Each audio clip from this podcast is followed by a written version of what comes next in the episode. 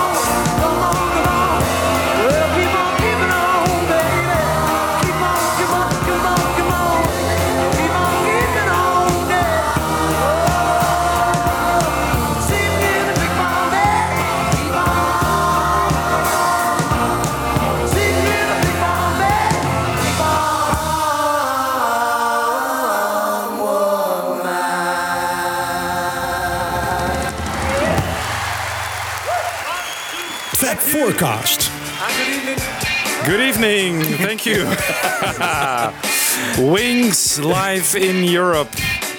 Jongens, jongens, wat een genot. Ja, leuk hè? Dit hoor goed. ik echt voor het eerst. Big Barn Bed live. Wat wel gek is dat er aan het begin een Nederlandse omroeper was. Hè? Hier eh, uit Engeland. Wings. Ja. En dat er dan in onze eh, documentatie is uit live in Newcastle. Ja, dat is natuurlijk onzin. Volgens mij is het ook het enige nummer van de Wings Over Europe CD wat van de 73 tour komt. Oh ja, is ja. dat zo? Ja, volgens mij is de rest allemaal inderdaad zomer 72 en is dit 73. En ik heb volgens mij die bootleg eh, van Wings Live at Newcastle op, op Mistral. Ja, Ja, klopt. Ja, Ja, ja, Dat is de Ja. tweede bootleg Ja. CD die ik ooit kocht. De eerste was London Town Roughs and Demos. Ja. En toen volgde Live at Newcastle. Oh ja. Ja, nou, maar waar jullie- denk je dat dit vandaan komt? Deze opname? Ik denk wel dat het echt Newcastle is. Ik heb alleen de indruk dat er bij... Maar de intro. Oh, Ja, dat- Ja. was het niet Groningen? Denk het wel, ja. Gewoon. Jij zit Groningen?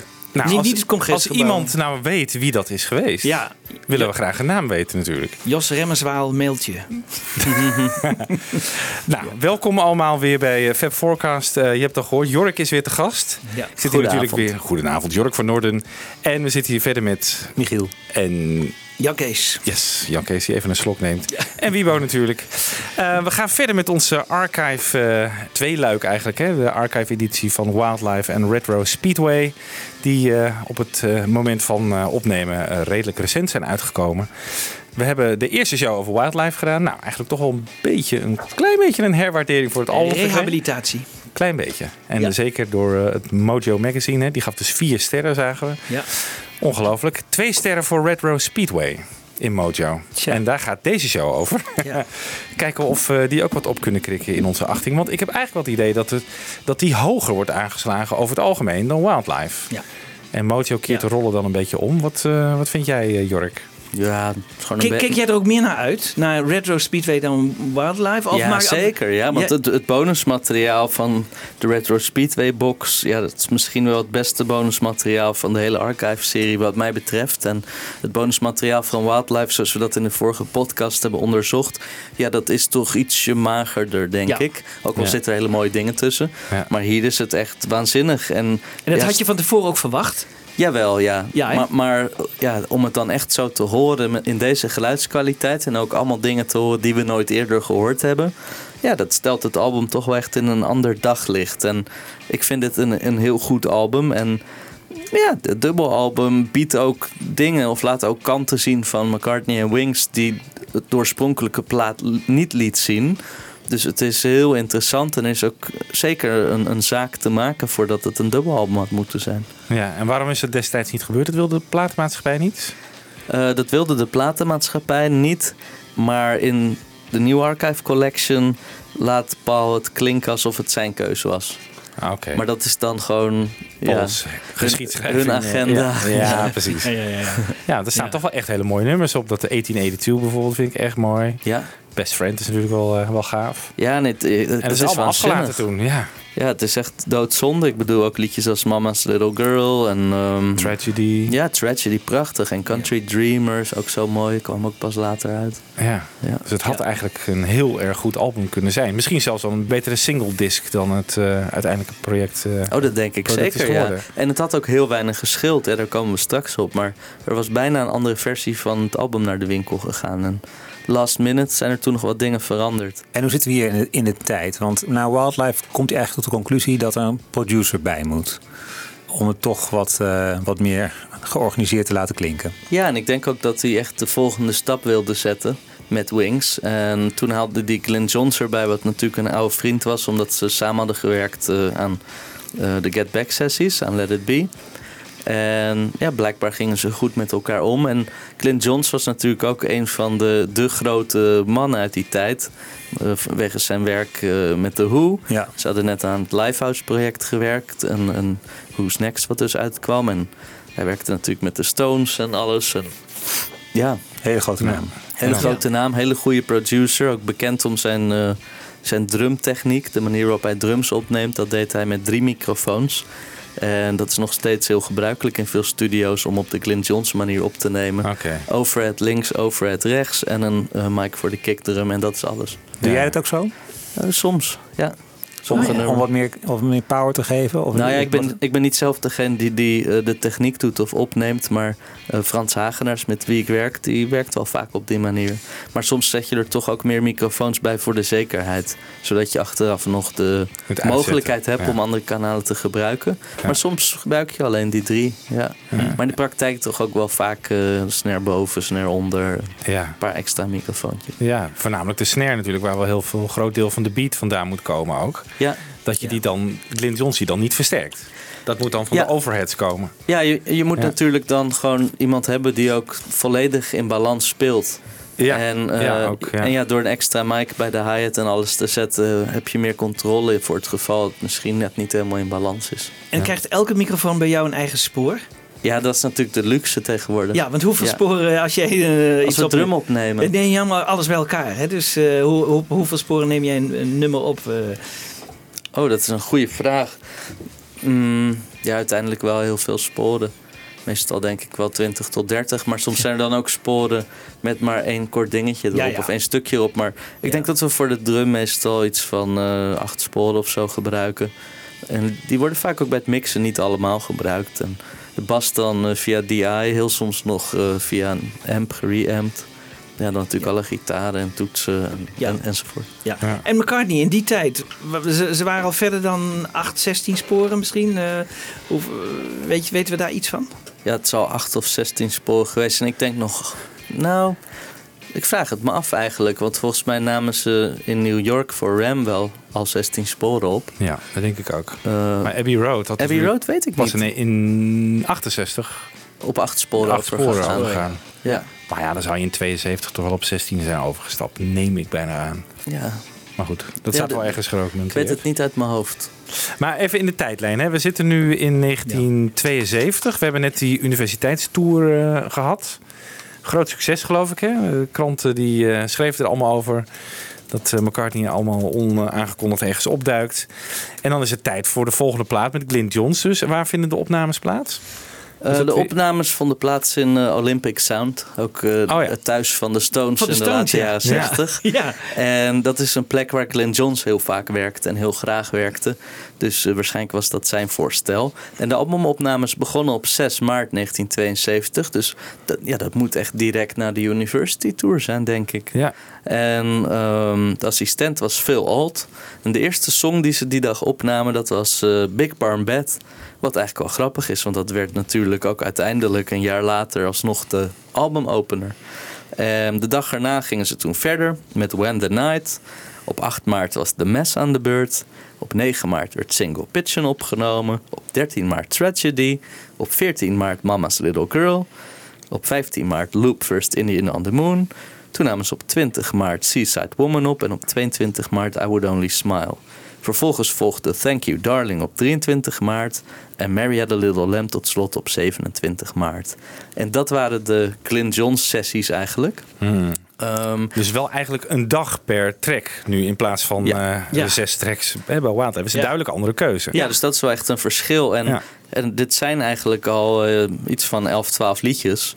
Dus het is al bijna een plaat. En ehm, ik vind het eigenlijk wel opmerkelijk dat... Kijk, eh, het ging mis tussen Glenn Johns en, en McCartney. Of Glenn Johns en Wings. Het verhaal is bekend. Eh, hij verliet de sessies van het album. Maar als je dit ziet, dan hebben ze natuurlijk Ja. eigenlijk nog best veel opgenomen. Ja. En dan is het laatste wat ze samen opnamen, Mary Had a Little Lamb. En ja, ik snap dat dan niet helemaal, omdat het verhaal wat ik ken over de ruzie is dat hij zei: als, als jullie denken dat omdat jullie met Paul McCartney spelen, alles wat jullie doen goed is. En als jij, Paul McCartney, denkt dat elke noot die je aanraakt goud is. en jullie hier de hele dag blowen en, en zitten te jammen. en dan denken dat dat wel een mooie plaats wordt, dan hebben jullie het mis. Ja.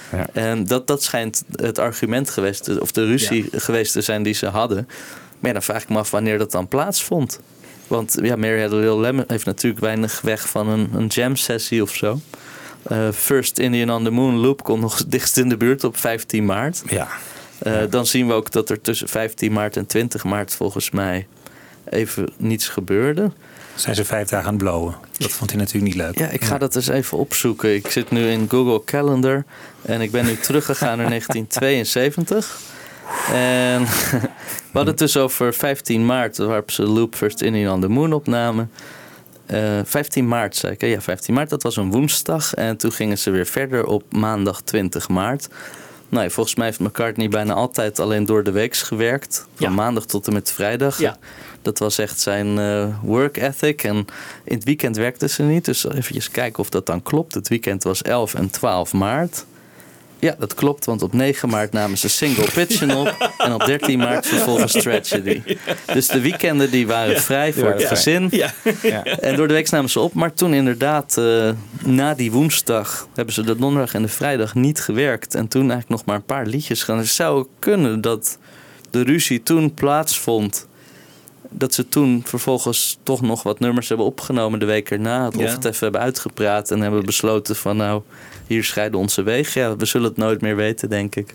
Clint Jones heeft een, een hele Biografie, mooie bio ja. geschreven.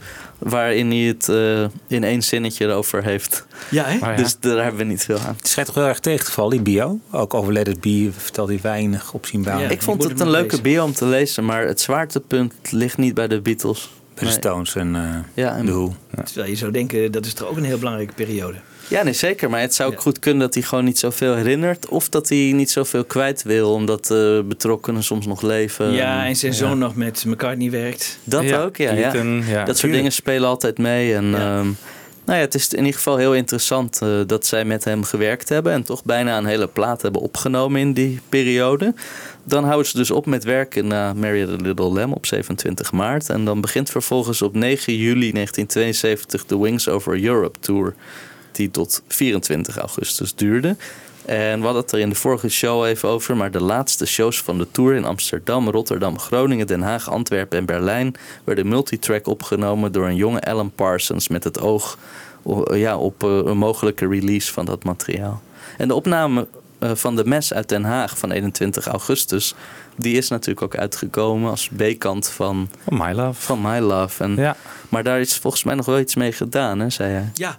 Eh, dat vertelde eh, Jos Remmerswaal mij. Dat hij is daarbij geweest. En hij heeft ook een opname van die, eh, van die avond. En hij zegt, er is door elkaar heen gehusteld. Ze hebben daarin gesneden. Ze hebben daarmee dingen mee gedaan. Dus het is wel interessant om dat nog eens even met elkaar te vergelijken. De, de originele opname en de uitgebrachte opname. Ja, want je hoort ook op een gegeven moment bij zo'n stuk waarbij ze het publiek computer zo'n tamboerijn erbij komen en zo. Ja. Volgens mij zat het er live helemaal niet bij op de bootlegs, als ik het me goed herinner Ja, hoor. ja. En, en ze hebben natuurlijk ook Best Friend eh, opgenomen in Antwerpen, die, nu, eh, die, eh, die ook bedoeld was voor het oorspronkelijke dubbelalbum samen met The Mass. Ja. En de live opname van 1882 uit Berlijn van 24 augustus is nu ook verschenen op de reguliere deluxe boxset. Ja. Het is nog wel even leuk om op dit punt even een quoteje van McCartney erin te gooien. Waarom die eh, eigenlijk koos om in Europa te gaan toeren, hè? dus niet in Amerika. the moment we're doing a European thing to sort of play the band in. It's a very new band, you know. And if you go and play sort of Britain or America with a very new band, you're really on the spot, you know. You've got to be red hot. And uh, it takes a little time for a band to get red hot. You know, it's a question of, so it's almost like living together for a little while, bouncing off each other and stuff. You know, this is what we're learning to do on this tour. At the expense, I suppose, of the, of the Europeans.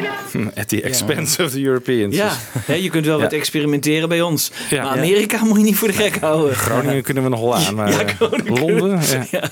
Ja, hij praat er echt over inderdaad alsof in die tijd Europa, het vasteland, een beetje Achter- achterland ja, was. achtergebleven Ja. Ja. Ja. Misschien was het toch zo, ja, ik weet het niet. Dat hij alles makkelijker accepteerde.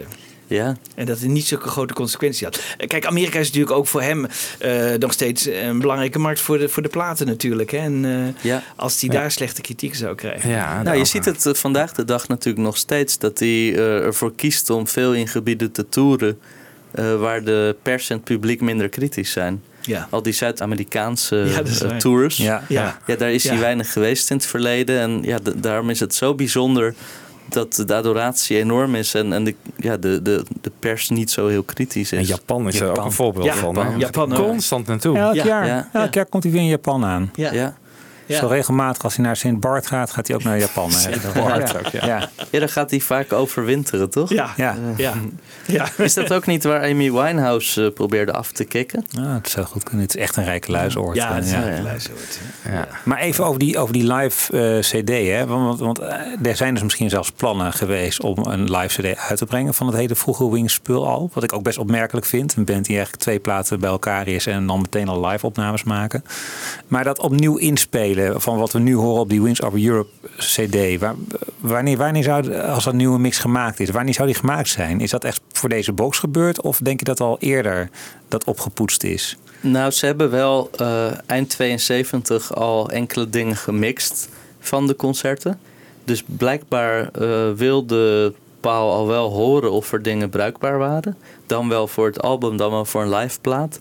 Ik denk, zoals wat Linda zei een jaar later, dat het een hele onzekere periode was. Ja, ik denk dat dat het wel was, want je ziet overal die twijfel die enorm toesloeg door de vernietigende kritiek op Ram. En, en daarna dus Wildlife, die het ook slecht deed qua verkoop. En ja, ik denk gewoon dat eh, ja, ze twijfelden. Dubbelalbum, enkelalbum, live plaat. Ik denk dat het allemaal Ja. wel voorbij kwam in Ja. die tijd. En ja, de, de nieuwe CD is allemaal onlangs geremixed eh, door Steve Ockert in de eh, studio van Paul in Hock Hill. En ja, ik heb het idee als ik het hoor dat het enorm is opgepoetst. Het lijkt eigenlijk in niets op de bootlegs die ik ken. Eh, de gitaren van Henry en Danny waren vaak vals. Eh, de koortjes waren vaak vals. Linda speelde niet altijd strak. Ja, dat, daar hoor je niets meer van hier. Nee. Eh, Danny was wel altijd goed op drum. En Paul zong geweldig in die tijd. Speelde fantastisch bas. Maar ja, ik heb wel het idee, zoals bij die Big Barn Bed die we net hoorden... Ja. dat ik daar ook eh, ja, meen te herkennen dat er zang van de studioopname is gebruikt van de Ja. koortjes. Dat ze dingen hebben ingevlogen van mastertapes en van verschillende shows om zo tot de, de beste versies te komen. En Maar wat- is maar- dat maar- erg? Nee, Nee. voor mij niet. Het resultaat is gewoon schitterend. Fantastisch. Ja, het is, dat is zo'n zo. goede cd. En ik vind het ook, ze gaan helemaal los. Er zitten twintig nummers op. Het zijn allemaal, ze helemaal een mutje vol zit die. Ja. En het niveau is constant, is hoog, er wordt heerlijk gespeeld. Eh, er staat nou, geen fout nummer op. Ik vind die CD het hoogtepunt van eh, ja, deze nieuwe Archive Collection. Ja. Ja. En dan is hij ook zo moeilijk te krijgen nog. Toch? Ja. Want hij zit bij de ultra dure box. Ja. Ja, ik vind het heel die- vervelend, die keuze, Ja. dat die zo is gemaakt. Ja. Ja. Ja. Ja. dat snap ik wel. Wat snap je wel? Nou, dat dat een hele vervelende keuze is Oh, voor heel veel mensen. Dat Ja, ja, hij, ja. eh, Ja. eh, want ja, Jork heeft hem bijvoorbeeld ook niet. En eh, heel veel andere mensen. Je kan hem ook niet meer krijgen. Nee, 1500 dollar. Ja, want hij is uitverkocht. Ja. De first edition stond op eh, internet. Dus misschien dat er nog een second komt. Ja. Nou, een vriend van mij heeft bijvoorbeeld eh, met een creditcard ook die box eh, gekocht. Maar ehm, niet weten dat zijn creditcard verliep. Oh, Dus eh, die betaling is gewoon geweigerd. En eh, ja, die heeft die box eh, dus niet. nee. Heel erg balen. Ik zei van, ik wil wel even downloads voor je aanbieden. Ja. Nee, nee, dat hoeft er niet. Dat, Oh. als het zo moet, dan hoeft het helemaal niet. Ja, heel sneu. Maar wil jij Ja. het origineel hebben? Of vind jij het ook goed om het gewoon eh, gedownload te hebben? Eh, dus dat iemand... Nou ja, in het geval van de download luister ik er denk ik minder vaak naar. Dat wel, maar je kunt zelf ja. ook een cd'tje branden, toch? Ik wil, eh, ja, nee, inderdaad. Ik, eh, er is iemand geweest die het mij gestuurd heeft en eh, dat waardeer ik heel erg. Dus Ja. ik heb het op mijn computer staan. En, ja. Maakt het dan wat uit voor jou of het origineel is of dat het gewoon een kopie is? nou ja, ik had het leuk gevonden om het te hebben, maar ik vind het toch ook wel heel ver gaan hoor. Ja. Die prijsstelling. En Ja. ik, ik heb tot nu toe alle boxen en dat heb ik zo kunnen houden. De gewone archive collections. En, Het wordt wel, het wordt uitbundig, maar het wordt ook steeds gekker eigenlijk. ja, Ja. Qua ja. prijzen en, en, en qua formats. eh. Is die prijs nog in verhouding? Nou, dat vind ik niet. Als je kijkt wa- wat je extra krijgt, dat is natuurlijk niet dat verschil waard. En voor de goede orde 380 euro Ja. Ja. kost die eigenlijk gewoon voor de gemiddelde consument. Ja. Als je niet even een goed contact bij een platenzaak had. Ja, of, nee, dat vind ik niet in verhouding. Die, bovendien, de individuele boxen die staan soms na een jaar al op marktplaats, soms al voor 50, 60 euro. Ja, Retro Speedway is nu op Amazon gezakt naar 89 dollar. Ja, Dat Ja. gaat heel snel. ja het gaat heel snel. Dus dat valt blijkbaar wel mee met die waarde. Ja. Dus die begrafenis van Michiel, Nee, je nog even... Shit. Niet, laat mijn vrouw het niet horen. Ja. Hey, maar dan is die tour dus in eh, Europa. Mhm. En daarna gaan de opnames verder, maar zonder Glindions. Wie, wie produceert er dan? Nou, het laatste concert van de tour was dus de show uit, eh, uit Berlijn Ja. op 24 augustus. En dan zien we dat de band al op 2 september weer de studio induikt. En eh, om precies te zijn was dat om Sea Moon op te nemen in de Morgan Studios, waar, waar Paul ook nummers opnam voor McCartney. Eh, terwijl Donovan daar ook aan het werk was aan The Open Road. En eh ene Mike Bobek zit dan achter de knoppen daar. Ik heb daar nooit van gehoord. Maar toen namen ze dus Sea Moon op. En dat was volgens mij een hele gekke sessie waar ze een soort stoelendans deden. Dus volgens mij speelde Henry McCulloch drums. En Danny Seidel Oh, ja. deed een soort eh, marimba of vibrafoon. Want als drummer op het conservatorium moest, moet of moest je ook in die tijd eh, zo'n instrument erbij doen. Dus heel veel drummers konden of kunnen heel goed eh, ook vibrafoon spelen. Oké. En eh, ja, vandaar dat hij dat ook een paar keer deed. En Die Henry McCulloch, daar hebben we het nog niet over gehad eigenlijk. Hè? Nee. Want die is bij de band eh, gekomen. Even kort Paul over die komst van Henry McCulloch. Some of the people we were using as roadies happened to know this guy called Henry, Henry. who'd been in Joe Cocker's Grease Band. So they said he's really good, you know. So he showed up to a rehearsal and we got on well. So he became a guitar player. Aangeraden door zijn Rodies eh, eigenlijk. ja, Mary moest een beetje giechelen toen ze de naam Henry hoorde. Maar ja, zij, Ja. zij was twee of drie toen hij de band verliet. Dus ze zal daar geen actief herinnering aan hebben. Maar goed, ja, bij Wildlife zagen we dat eh, doordat Hugh McCracken eh, niet inging op het aanbod om Wings eh, ja, te, hoe noem je dat? Te joinen. versterken. Te Ja, ik zat ook met joinen, maar ik dacht dat moet Nederlands kunnen. Te versterken. Eh, ja, dan zien we dat hij Danny Lane haalt. En dat is niet echt een solo-gitarist. Dus er ontstaat al snel behoefte aan een solo-gitarist. En dat wordt dus eh, Henry McCulloch. Een goede gitarist, maar ook wel eh, ja, een, een, een stug iemand die zich niet laat vertellen wat te doen. En Ja. ook wel iemand die volgens mij wel van de fles hield. En Ja. ook vaak zijn gitaren niet zo goed wist te stemmen en zo. Dus eh, ja, hij kwam wel met een handleiding, is mijn indruk. Ik vind het een beetje een misfit hè, in deze band. Uh, als je de, de agenda van McCartney ziet uh, op, de, op de clips, bijvoorbeeld van Mary Had a Little Lamp. Uh, op, de, op de dvd's en op een gegeven moment drie, drie clipjes. Uh, dat gaat maar door. Hè? Mary Had Little Lamp in drie verschillende settings. Ook met zo die clownsneus. Precies. Bij de laatste setting zie je McCartney met een clownsneus en een grote hoed op. Linda met een soort veeënpak aan. En Henry McCullough is als een soort gnoom verkleed of zo. Hij ziet er echt niet uit. en ja, dan voel je toch een beetje aan, ja, uh, waar, in wat voor band ben ik in vredesnaam beland? Ja. Toen ik dacht ja. van ik ga uh, met, met even heel, heel geil met een Beatle uh, in een band zitten. Ja. ja, en dat gevoel bekruipt me heel vaak als ik uh, Henry in die tijd aan het werk zie of die nummers hoor. Ja. Dat hij inderdaad niet de juiste man op de juiste plaats was. Dat uh, hij was echt een bluesjongen en ja, er was natuurlijk niet zoveel blues te bekennen. Dus volgens mij kon hij helemaal niet zo goed meekomen met uh, de richting en de keuzes. Nee. Maar hij heeft toch voor één geweldige solo. Ja, dat wel een van de mooiste solo's in de pop. Ja, ja toch? Laten we, ja, daar heb ik ook weer een quote van, jongens. In fact, in this studio we did My Love, um, uh, ballad that we were doing. And we'd worked it out, we'd rehearsed it, and we had a full orchestra. It was live, that was recorded live, played and sang live. And uh, we had the whole orchestra all waiting, you know, for the downbeat. And Henry McCulloch, the guitar the Irish guitar player there, he comes over to me and I, we're ready to go. Just a minute. What's that? He says, do you mind if I change the solo? Not at all. You know, you go ahead. And actually, it's one of the best solos he ever played. Ja. Zo ging het dus. Leg me dat eens even uit. Uh, hoe kun je live alles spelen? Want ik bedoel, het was toch heel makkelijk om die solo later in te dubben? Ja, maar um, Paul koos ervoor om dit nummer samen met het orkest live op te nemen. Wat um, heeft dat voor voordeel? Want... Nou, ik denk dat het een, een extra uitdaging vooral is. Uh, waardoor je misschien nog meer uit jezelf weet te halen of uit de band weet te halen. Ja. Er ligt een, een soort extra druk op om te presteren. Maar je hoort ook al dat orkest meespelen, wat jou ook weer uh, tot grotere hoogte kan duwen, omdat je live dat hoort en dat geeft een kick natuurlijk. Ja, wel, net als een live televisieuitzending, waarbij je weet het kan niet over, we moeten, ja. het moet in één keer goed. Ja. Maar dan heeft McCartney al een solo in, hem mm. uh, gegeven waarschijnlijk. En die moet hij spelen. En dat weigert hij dan. En ik heb begrepen dat het echt wel een ruzie is. Dus dat McCartney dat niet zo makkelijk heeft geaccepteerd. Ik kan hem ook helemaal niet voorstellen bij hem dat hij echt zei van... oh, doe ja, maar. Ja, nee. nee. nee. Maar dan...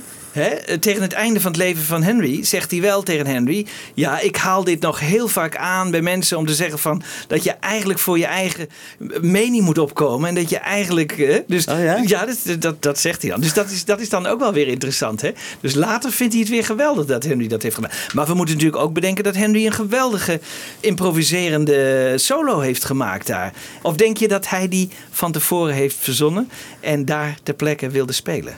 Hij zal wel geweten hebben wat hij moest spelen. Ik denk dat hij er wel over heeft nagedacht. Ze hadden het nummer al gespeeld tijdens de Wings Over Europe tour. Dus, eh, oh, dus kunnen we het ah, horen hoe McCartney het... eh, ja, ja op, op die cd is al een vroegere versie. En die heb ik ook even beluisterd. ja? En, Dan horen we de McCartney solo. nou ja, ik weet niet of dat door McCartney was bedacht. Maar in ieder geval speelt Henry iets anders. En er zijn raakvlakken, maar het is toch wel een hele andere solo. En het schijnt ook dat eh, nadat eh, de studioversie was opgenomen... toen ze weer gingen toeren in 73 in Engeland... dat dat een, ehm, ja, een conflict was tussen Paul en Henry. Dat Paul vond dat de solo zo bepalend was geweest voor het nummer en het succes. En dat het de nummer 1 hit was geweest in Amerika en zo. En een grote hit in Europa. Dat hij vond dat Henry ja, echt elke avond die solo zo moest spelen integraal. Omdat het een integraal deel van het nummer was. En Henry vond dat hij de vrijheid moest hebben om elke avond dat te improviseren. En eigenlijk een paar maanden later was hij weg natuurlijk. Ja. Zeg, wie wil eigenlijk wil ik wel heel graag die solo eh, even Nou. horen. Dan gooien we hem er even in. Oké.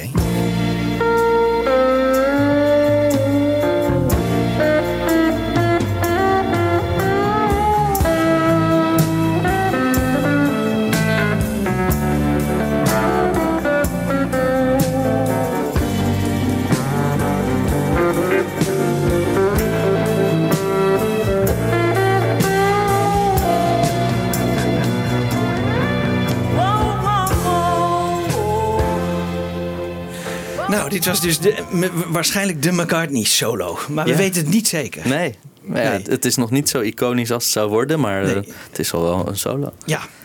Maar jij geeft ook de voorkeur aan de, de uiteindelijke Henry McCullough solo. Oh, zeker. Ja, Ja, dat, is zo'n fantastische solo. Ja. Dat is net zo'n mooie solo als Something, Ja. wat mij betreft. Oh ja. Ja, net zo iconisch. Ja. Hij speelt ook al gitaar toch op dat With a Little Help from My Friends van Joe Cocker. Dat is Ja. ook diezelfde Henry McCulloch. Ja, en ook eh, op Woodstock, dan hoor je hem ook dat hoge koortje. Dat zo. Ja. Do you need anybody? Zo. Heel geknepen zingen ze dat. Ja. Maar eh, goed, waar waren we gebleven? Nou, we kunnen de- wel eens de- even wat muziek draaien, toch? We zitten zo Ja. lang te lullen. Ik heb hier twee early mixen uh, klaarstaan, Jorik. Ja, die behoren wat mij betreft tot de hoogtepunten van deze boxset. Die eh, zitten er niet bij als je de dubbel CD koopt, want die staan op CD 3. En eh, de eerste daarvan is wel heel bijzonder. Dat is een vroege mix van Big Barn Bad door Glyn Johns en eh, John Curlander. En wat ik daar heel interessant aan vind is dat Glyn Johns eh, het nummer heeft opgenomen met zijn beroemde manier van drums opnemen, waar we het net over hadden. En omdat hij de mix ook heeft gemaakt, weet hij precies hoe hij dat heeft willen laten klinken toen hij het opnam. En de uiteindelijke versie is door iemand anders gemixt, volgens mij door Alan Parsons. En die, die heeft niet de intentie gekend van hoe het is opgenomen. Want een technicus neemt dingen al op met een reden, omdat hij daar een beeld bij heeft en een plaatje bij heeft. En als je iemand anders het laat mixen, dan kan dat zijn eh, omdat je frisse oren wil, die, die er weer op een andere manier naar kijken. Maar ja, in dit geval was er natuurlijk ruzie geweest. Maar het is natuurlijk wel heel interessant dat de grote Glyn Johns, die bekend is om zijn drumsound, een mix heeft gemaakt. En de drum en de bas die klinken hier nog veel steviger dan op de uiteindelijke versie. En verder is hij nog niet helemaal af. Er zouden nog wat overdubs volgen, zoals je kan horen. Maar de drum en de bas die hebben nooit zo dik en stoer geklonken als op deze versie.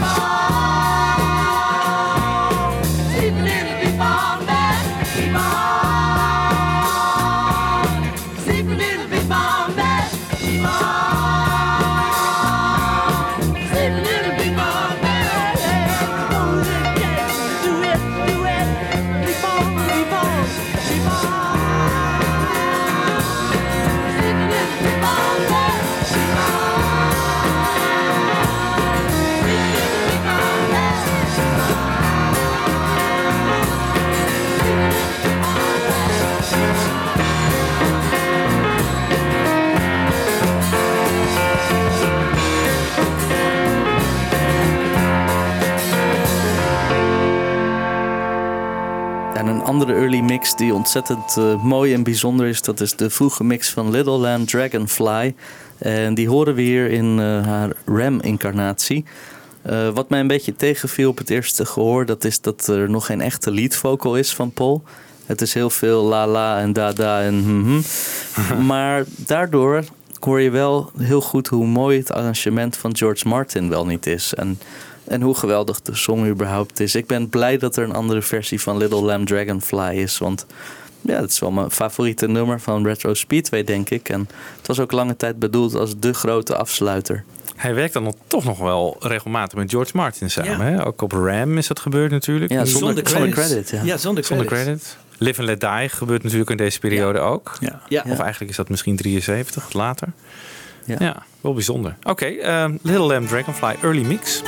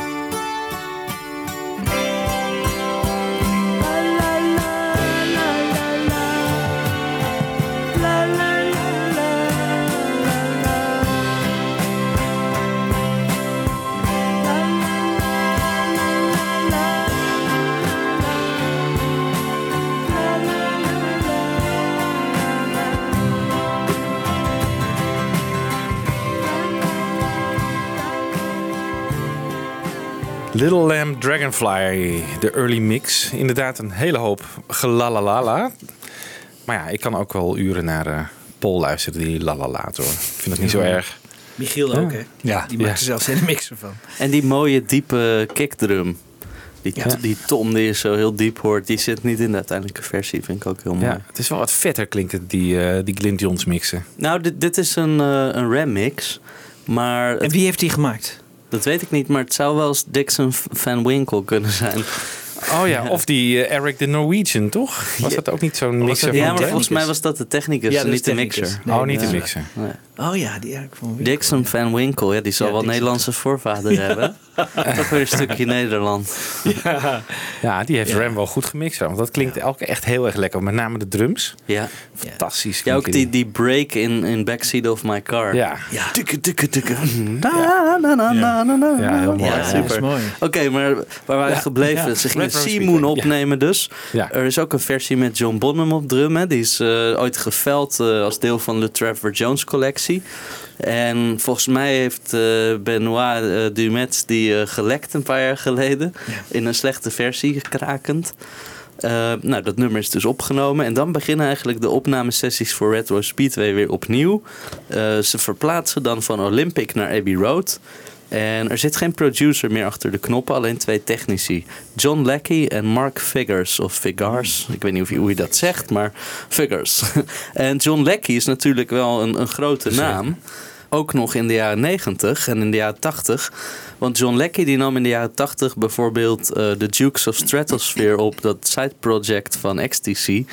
En eh, nou ja, dat, dat was natuurlijk een poging om 60s klinkende opnames te maken. En dat is heel goed gedaan. En toen in de jaren 90 de band Kula Shaker eh, mocht kiezen met wie ze wilde werken. Toen ze bij Sony tekende, Columbia.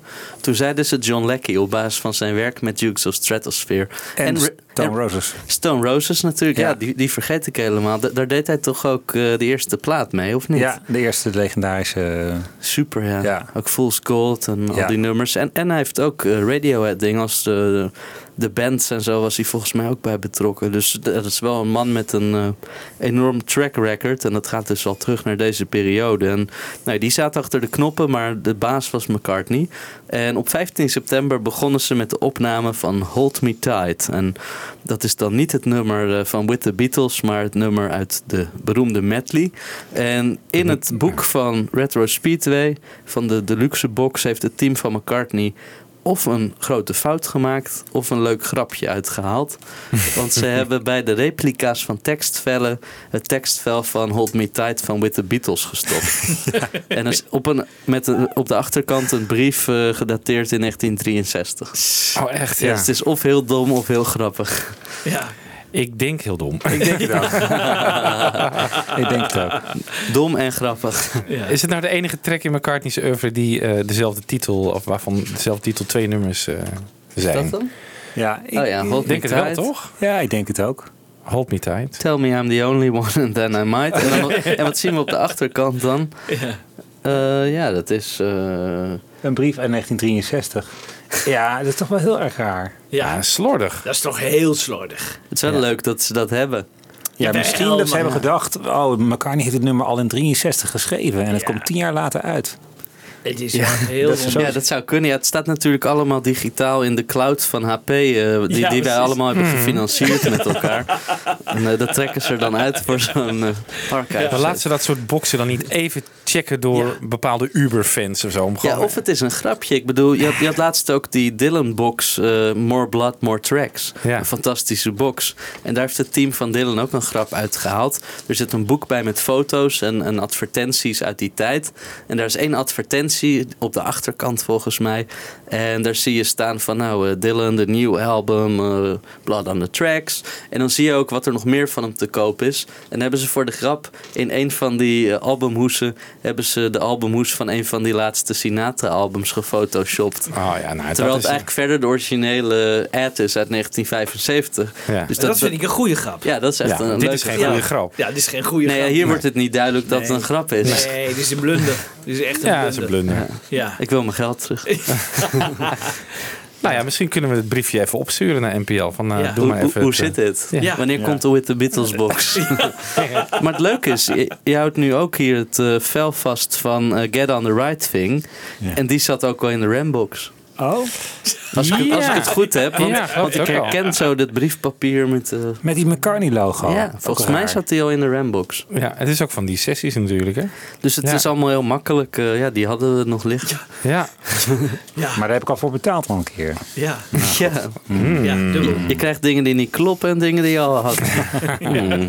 Maar goed, eh, Hold me 15 tight. september, Hold Me Tight. En een dag later werd Lazy Dynamite opgenomen. Daar deden ze een dag over, blijkbaar. op eh, 20 september nam de groep vervolgens High High High op. Wat dus eigenlijk gewoon echt een retro speedway opname is. En volgens de oude traditie van de Beatles eh, werd dat een losse single. Dus mocht het niet meer op het album. En op 26 september gingen de opnames vervolgens verder met Country Dreamer. Op 28 september nam de groep vervolgens Night Out op. Nou, dat is natuurlijk een nummer wat heel erg past in die tijd van glamrock. En ehm, ja, dan gaan ze vervolgens op 29 en 30 september verder met One More Kiss. Waarvan take 85 de master was. 85. Ja, dat is bijna not guilty-achtig. en eh, nou, dan eh, tijdens de sessies op 29 september nam Paul in een pauze de basis van Bridge Over the River Suite op.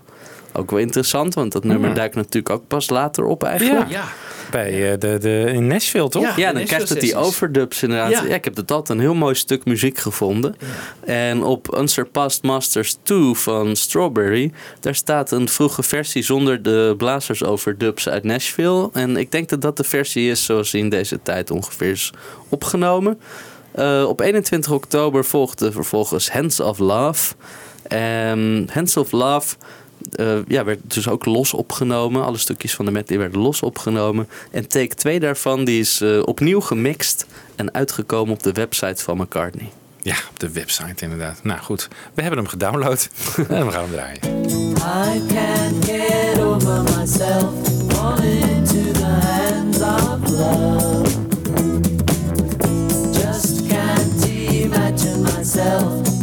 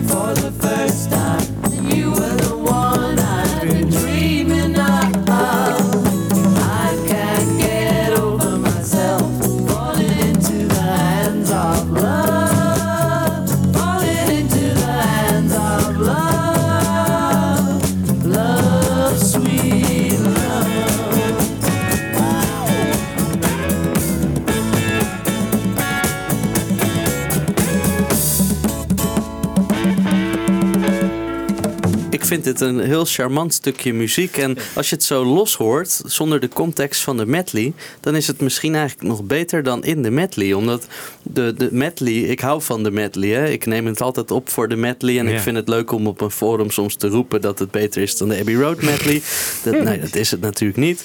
Maar eh, zoals Hold Me Tight, nou ja, dat is natuurlijk wel heel erg langdradig. De hele tijd eh, op twintig verschillende manieren. Hold Me Tight, Hold Me Tight. Weet je wel, op een gegeven moment heb je dat wel gehoord. En in die context is dit allemaal wel heel zoet. Maar als je het zo los hoort, dan is het toch wel heel charmant. En past het eigenlijk wel heel erg in die tijd ook van wildlife. Zoals ze daar eh, op de boerderij voor die filmopname zitten te spelen met z'n tweeën. Dat is Ja. eigenlijk helemaal dit. Dat is dit, klopt, En, en, ja. en ook zo in een remix, dan klinkt dat toch heel fris en mooi. En ik vind het wel leuk en bijzonder om dat een keer los te horen van de medley. Wat vind jij? Nee, ik vind het zeker. En dat vind ik sowieso, en dat vind ik bij Abbey Road ook. Als je die nummers apart hoort, zijn ze vele. Ja, ik bedoel, dat- maar dat is ook omdat we het zo gewend zijn natuurlijk, hè, die medley. En als je ze dan los hoort, vind ik ontzettend leuk. Nee, Ja. ik, ik, vind- ik, ik hou ook erg van deze medley. Wat vind jij?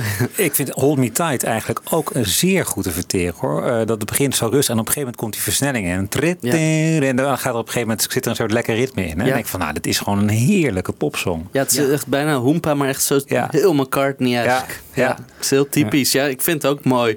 Maar het is inderdaad eh, niet, niet een begin van een medley met een e- enorme textuele Nee. zeggingskracht of zo. Maar Nee. ja, dat hoeft ook niet. En wat zijn, de, wat zijn de bezwaren tegen de medley? Jij bent niet zo'n fan van die medley. Nee, hè? ik ben er niet zo fan van, klopt. Van- Of helemaal niet nou, of van die alle vier de stukken echt eh Even kijken, we hebben Hold Me Tight. Dat vind ik dan wel aardig. Ja, Hands of Eh, Love eigenlijk ook wel. nou, ik vind het een beetje een lullig eh, liedje eerlijk gezegd. Ja. Mijn favoriet van de medley. Want ik vind het wel leuk om te ontdekken wat onze favorieten Ja. zijn. Voor mij is er één stuk van de medley die echt hier staat als de rest hier staat. En dat is? Power Cut. Ja, Power Cut geweldig. Dat vind ik gewoon zo'n Ja. goed nummer. Ja. Die melodie, het arrangement, de groove. Hoe dan die andere met die melodieën piano? komen. Eh, ja. ja, ja, ja. There may be a miracle. Miracle. Ja, ja, Ja. super. Oh, ja, geweldig. Ja, dat is wel goed, ja. Maar er staat geen outtake of eh, andere versie Nee, van op de... niet. Nee, hè? Nee. Ja, en Lazy Dynamite hebben we nog. Dat, ja, dat is wel oké. Nou goed, ik heb liever die medley van Egypt Station, die laatste. Met, ehm, Maar Wibo, ja. jij, jij begon net zo van... eh, nou, ik vind eh, Hold Me Tight, dat gaat nog wel. En eh, Hands of Love is ook wel oké. Nou, vond ik een lullig maar- liedje. Maar Ja. wat vind je dan van die andere twee? Want je, je houdt niet van die medley. Dus wat vind je dan het ergst? Is dat dan Lazy Dynamite? Ik vind het een beetje in elkaar geknutseld. Het, en het, het zijn niet echt ehm, st- hele sterke melodieën, vind ik. Textueel sowieso niet zo. Ik denk, van, ja, wat, wat wil je erin? Dat zei je net zelf ook al. Wat wil je ermee zeggen met, zo'n, met die medley? Er zit niet echt een verhaal in. Het zijn vier losse dingen. En het gaat voor mij niet natuurlijk in elkaar over. En wat ik net zei van die Egypt Station, die, niet die eh, Despite Repeated Warnings, maar die andere waarvan ik de titel nu even kwijt ben. Sea-Link. Sea-Link, eh, die ja. Sea-Link, ja. Die, ja, die vind ik wel echt heel goed. Hunt You Down. Sea-Link. Hunt You Down, Sea-Link. Ja. ja. Ik vind het leuk bij die Hunt You Down eh, dat die cello zo'n blueslijn speelt. Dat is heel leuk. Ja, hij heeft het toch op... Traveling around the world. Ja. En die cello zo, dat is gaaf, hè? Ja. Ja. en dat mooi met die gitaarsolo eh, op het laatste, dat het orkest daarin eh, meegaat in die solo Ja. van McCartney. Het is een beetje backseat change of zo, Paper Tiger-achtig. Ja. Maar Nee, Wibo, ja, Power Cut vind je toch wel een goed nummer? Powercut vind ik dan nog wel het lekkerste van deze medley. En Hold Me Tight, dat Hold Me Tight, Squeeze Me Right of zo, dat vind ik dan ook nog wel aardig, dat gedeelte. Maar verder ja, vind ik het een beetje, ja, niet, niet sterk genoeg. Niet sterk Nee. genoeg in melodieën. Oké, ook niet als ze uit elkaar gehaald worden zoals Nee, nu nee, Hands dat Hands of Love, nee, dat hoeft voor mij niet. Dat vind ik En een als, beetje... als jij de originele plaat had mogen samenstellen, een enkel album, dan had die er niet opgestaan. Nee. Nee, Nee, Nou nee, ja, zeker niet. Ik moet je eerlijk zeggen, ik heb ook laatst een, een versie gemaakt, een, enkel, een enkele versie.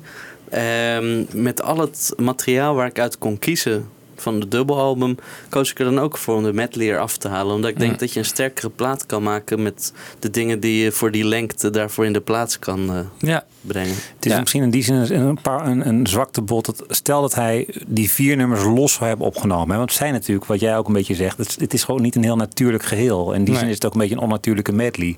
Zijn we aan elkaar gezet, maar ja, het, het voelt niet heel natuurlijk. Nee. Als het nou vier losse nummers zouden zijn, dan zouden we denken van ja, god, heb je die plaat met die, met die, Met die ja, lullige een beetje onaf, niet zeggende, eh, ja. onaffe, die misschien wel lekker zijn, maar ja, mm, een beetje, je mist een beetje de beef of zo, een beetje de Is dat ook niet de filosofie van McCartney geweest om gewoon te denken van ja, ik weet niet wat ik verder met deze liedjes moet zijn, maar ik heb een zou me niet verbazen. één coupletje. Ja, maar toch, toch lekker aan begint hij de sessies ermee na het mislukken van de sessies van Glen- met Glenn Johns en na de tour. Dit is waar hij mee begint. Dus eh, Met die medley. ik denk dat hij, hij vond, zelf vond dat dat iets heel ambitieus was of zo. Om dat met Wings te doen wat hij met de Beatles Ja. deed. Terwijl hij bij de vorige plaat nog zei van oh, eh, ik ging dat allemaal uit de weg. Hier zoekt hij dat echt heel erg op. Wat vind jij op het album, het eh, oorspronkelijke single-album, het zwakste nummer? Nou, dat moet toch wel een loop zijn, of niet? Ik heb het zelf met een ander nummer, maar ik ben benieuwd wat Jorik vindt. Ik vind het zwakste nummer van de oorspronkelijke plaat. Ja, ik denk When the Night. Ja, When the Night. En ik vind One More Kiss wel aardig, maar ook wel een beetje geforceerd of zo. Loop vind ik wel leuk, maar die had ik er niet op gezet als je ziet waar die uit kon kiezen. Nee. Nee. Nee. Nee. Ik bedoel, Country Dreamer, dat je dat van je plaat afgooit voor Loop of When the Night, dat snap ik niet. Nee. En I Lie Around, dat is ook zo sterk, Ook hè? de vocaal in dat nummer. Ja, en Mama's Little Girl, dat is ook gewoon zo'n mooi liedje. Ja, Ja. prachtig. Tragedy, geweldige cover, maar ja... En ook die live tracks, hè, dat wat eh, oorspronkelijk op zou komen, dat 1882, Best Friend. Nou ik ja. had het wel mooi gevonden, gewoon af en toe een live versie ertussendoor.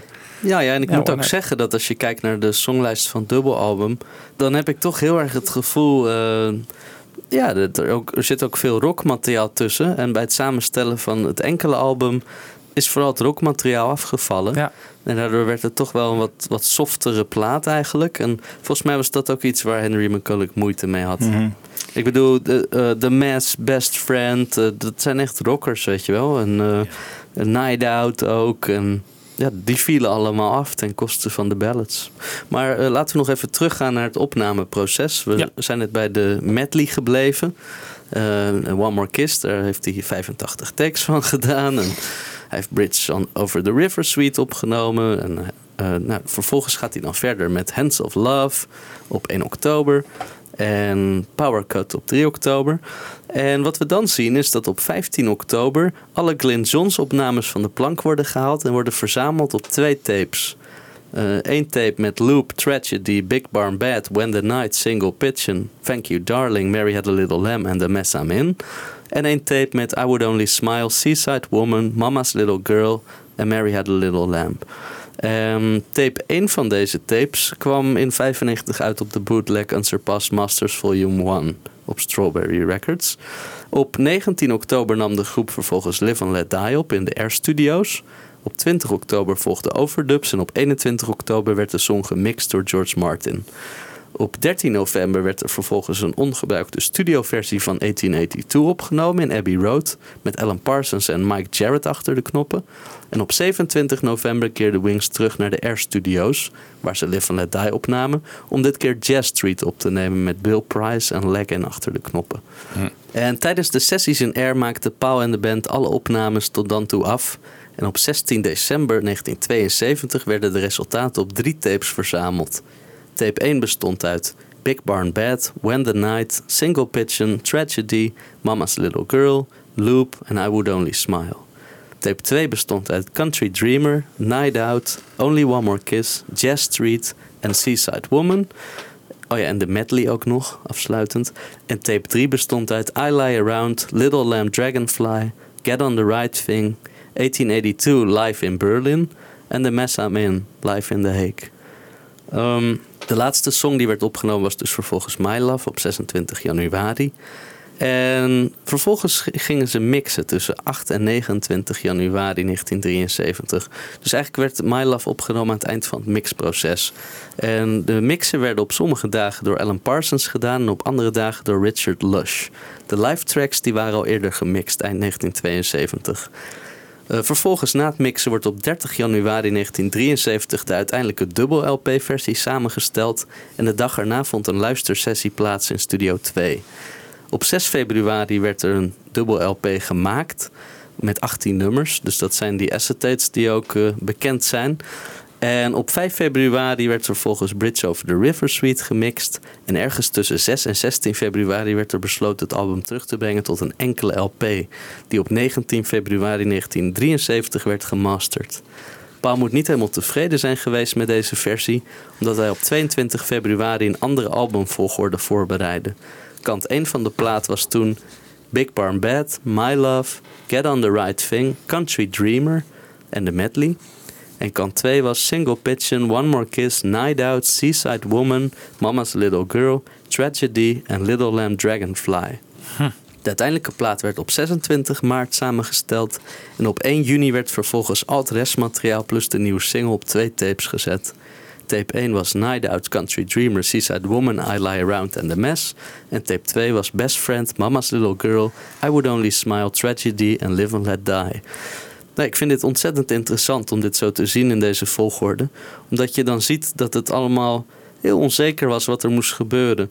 Eh, het wordt duidelijk dat de luistersessie niet helemaal eh, goed moet zijn gegaan. Omdat na de luistersessie met mensen van EMI en zo wordt besloten om toch voor een enkele LP te gaan. Maar de enkele LP die dan wordt samengesteld, die verschilt enorm van de plaat die een maand later wordt samengesteld. Dus ja, blijkbaar had hij ook niet echt een idee wat hij moest doen of zo. Nee. We zien inderdaad dan nog Night Out en Seaside Woman, en Mama's Little Girl en Tragedy en Country Dreamer allemaal op die oorspronkelijke plaat staan. Dus daar is waanzinnig veel veranderd nog. Het enige wat gebleven is, is eh, ja, het openingstrio Big Barn Bad, My Love en Get On The Right Thing. Daar is niets aan veranderd. En Single Pigeon opent volgens mij ook uiteindelijk nog kant 2. Maar verder is alles anders. Het is ook natuurlijk een beetje een mishmash van nummers. Hè? Oh, die, dubbel, die dubbele.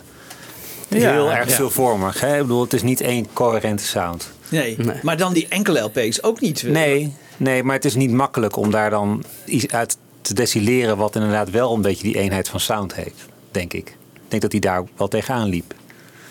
Ik vind Big Barn Bed en Get On The Right Thing wel, wel gelijksoortige nummers... Hè? met een Hm. soortzelfde sound. Maar verder is het inderdaad allemaal wat, wat sappy, wat eh, ja, Ja. zoetig en... eh, Ja. Ja, dus toch- een scherp randje of zo. eh, ja. Toch denk ik dat hij een betere plaat had kunnen samenstellen. Denk ik ik denk Big Barn Bad, My Love, Get On The Right Thing, Country Dreamer, Single Pigeon, Best Friend wel. Mama's Little Girl, Tragedy, Little Lamb Dragonfly, Best Friend, I Lie Around had ik er ook opgezet. En ja, dan kom je denk ik al aan een betere Ja. plaat ja, eigenlijk. dan ben je er eigenlijk al. Ja. Dat Best Friend, dat komt nu steeds voorbij. Hè? Zullen we dat gewoon even draaien?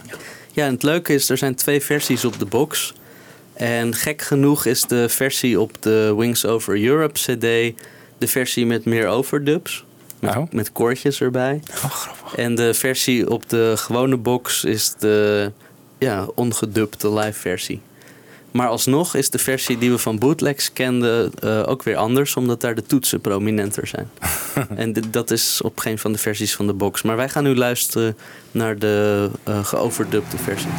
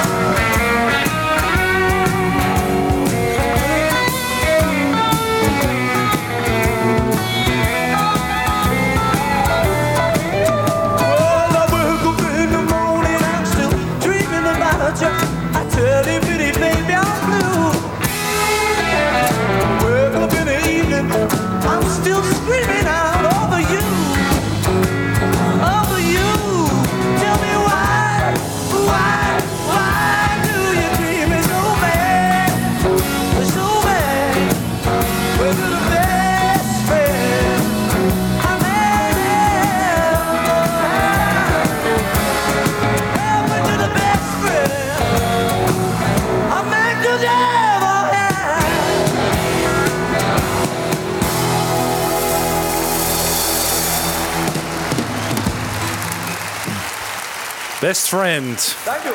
Ja, alsjeblieft. Live in Antwerpen. Had voor mij zo op de plaat gekund. Lekker catchy eh refreintje. Ja, heel energiek ook. Energiek. Ja. Heel, heel sterk. Ik vind het eh, ja, echt gewoon een goed nummer. Ja, je ziet ook dat hij zelf er wel wat in zag, want hij bleef er eindeloos aan werken met elke cold cut versie. Oh ja. Ook die Ja. in 86 heeft hij er nog aan gewerkt. Ja.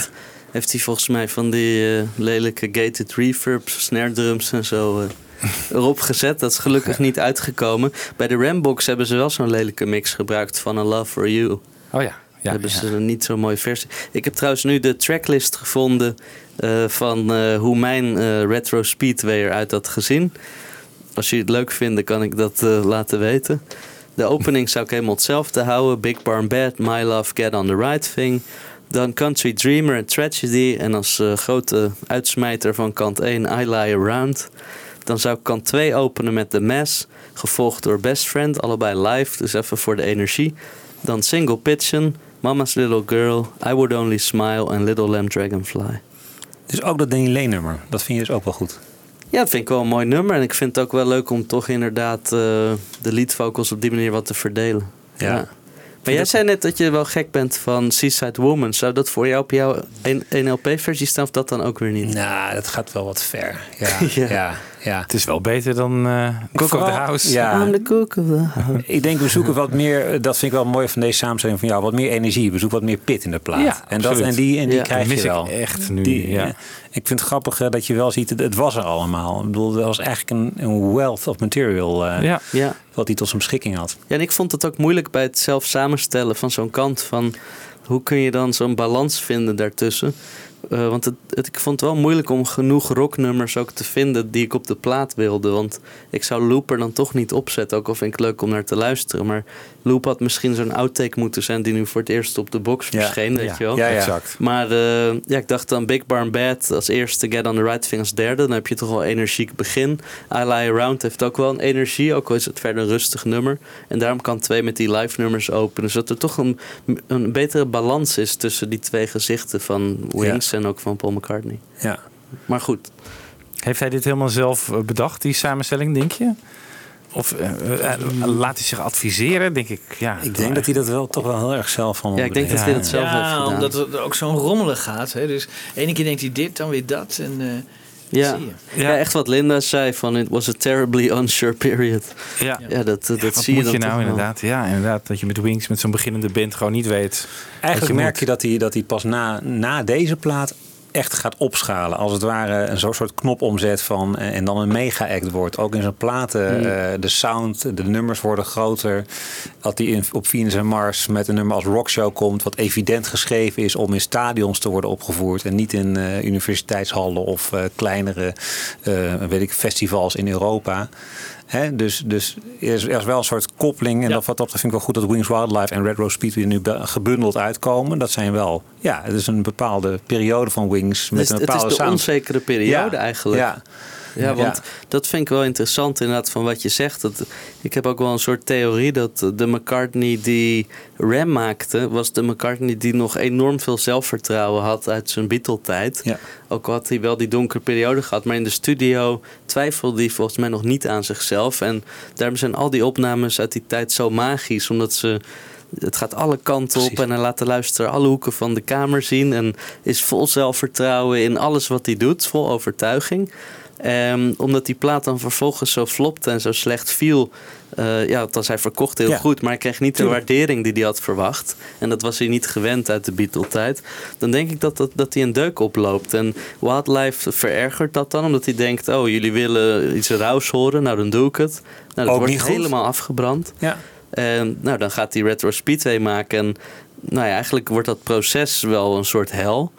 Althans, ja, zo dramatisch is het ook weer niet. En in het boek wordt het wel eh, herschreven alsof het allemaal wel meevalt. En eh, ja, je hoort niet heel veel over een ruzie met Clint Johns, een beetje. Maar het is niet zo'n groot ding en zo. Maar ja, eigenlijk was het natuurlijk wel een onzekere periode. Ze ging een plaat maken. Ze stopte ermee, de producer liep weg. Dus hij ging maar toeren. Omdat hij volgens mij het idee had... de band is misschien nog niet klaar om een plaat te maken. Dat was ook volgens mij Glenn Johns kritiek. Van nou ja, jullie denken dat het allemaal heel goed is... maar het valt vies tegen. Dus ik denk dat Paul ook daarom dacht van... nou ja, we gaan wel toeren in Europa... om weer nog verder te werken aan onszelf als band. Dan gaan ze weer opnemen. Ja, en dan is er zoveel materiaal dat hij de bomen door het bos niet ziet. En ook niet het zelfvertrouwen heeft om te zeggen: oh, ik toon het lef om Ja. dit of dit te doen. En daardoor zie je al die eindeloze keuzes en dat tweaken en zo. En ja, met Band on the Run scoort hij dan zo Ja, waar- want wat leert hij dan, denk je, van deze LP? Ik bedoel, wat gaat Hmm. hij anders doen bij Band on the Run? Wat gaat hij... eh, hè, wat heeft hij Hmm. hiervan geleerd? Ja, dat, dat vraag ik me af. Ik, ik vind het heel interessant dat Band on the Run zo snel na Retro Speedway komt. Omdat dit dus uitkomt in eh, april. En dat hij dan in december al een nieuwe plaat uitbrengt. En als je dus kijkt dat ze op... Is, is, is eh, het inderdaad zo? Ben Ben Ron is uit Ja. 73 december 73 Ja. inderdaad. Ongelooflijk. Het is ja. echt iets meer dan een half jaar. En op eh, 1 juni hebben ze dus ook nog al dat restmateriaal op twee tapes gezet. Eh, twee tapes. En dat had ook een LP al kunnen zijn van restmateriaal. Dus er waren heel veel mogelijkheden. Maar ja, ik denk gewoon dat omdat Danny en Henry niet meegingen.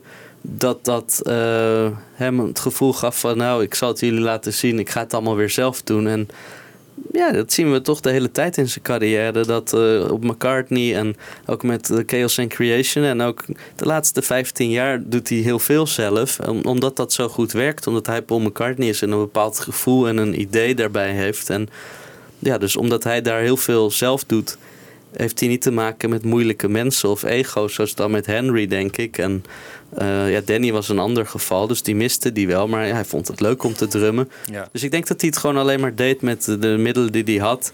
En dat hij eh, toevallig goede songs had liggen en zo. En ja, ik bedoel, Nou, Bluebird speelde die al in, Ja. in die McCartney medley. Maar ik denk dat ze zelfvertrouwen pas herstelde doordat de plaat zo'n commercieel en artistiek succes bleek. Ja, want inderdaad, bij McCartney gaat dat dan samen. Dus het succes moet ook commercieel zijn. Dan is het Ja. geslaagd. Hè? Ja.